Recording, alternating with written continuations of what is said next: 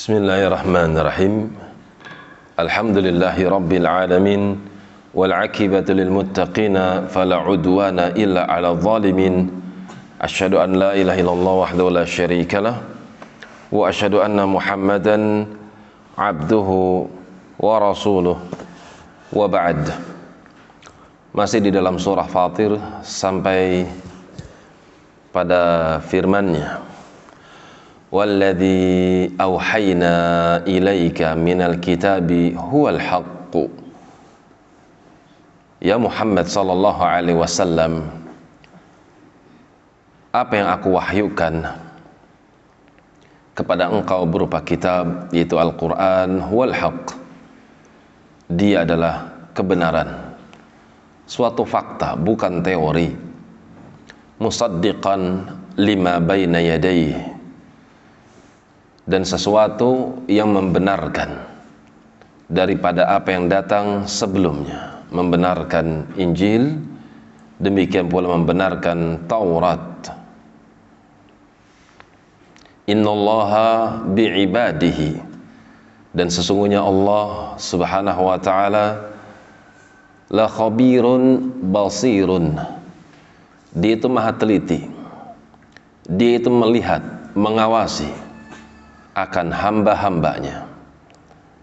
Apa yang dilakukan oleh hamba diketahui oleh Allah. Apa yang disembunyikan oleh hamba, maka sungguh Allah Maha teliti dari apa yang dikerjakan oleh mereka. Thumma awrathna al-kitaba. Kemudian aku wariskan kitab ini. Al-Qur'an Al-Karim. Alladzina yaitu untuk mereka orang-orang yang kami pilih. Min ibadina. Dari kalangan hamba-hamba kami.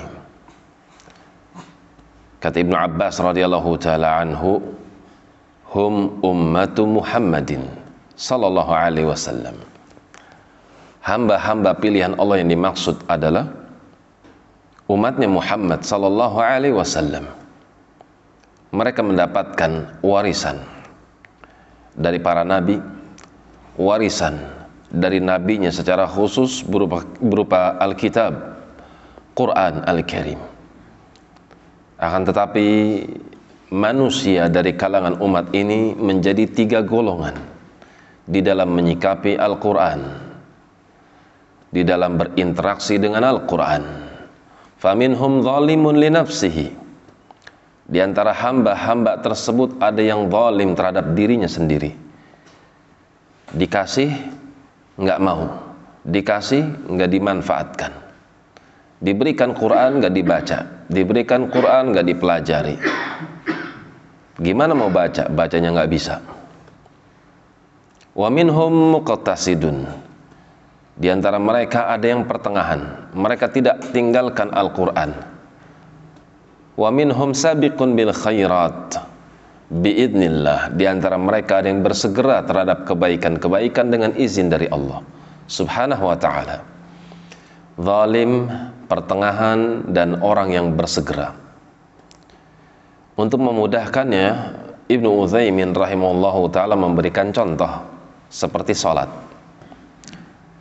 Umat Islam sudah tahu salat wajib tapi dia enggak salat zalimun li nafsihi. Golongan yang kedua umat Islam yang tahu sholat wajib tapi dia tegakkan belang bentong itu namanya muqtasid.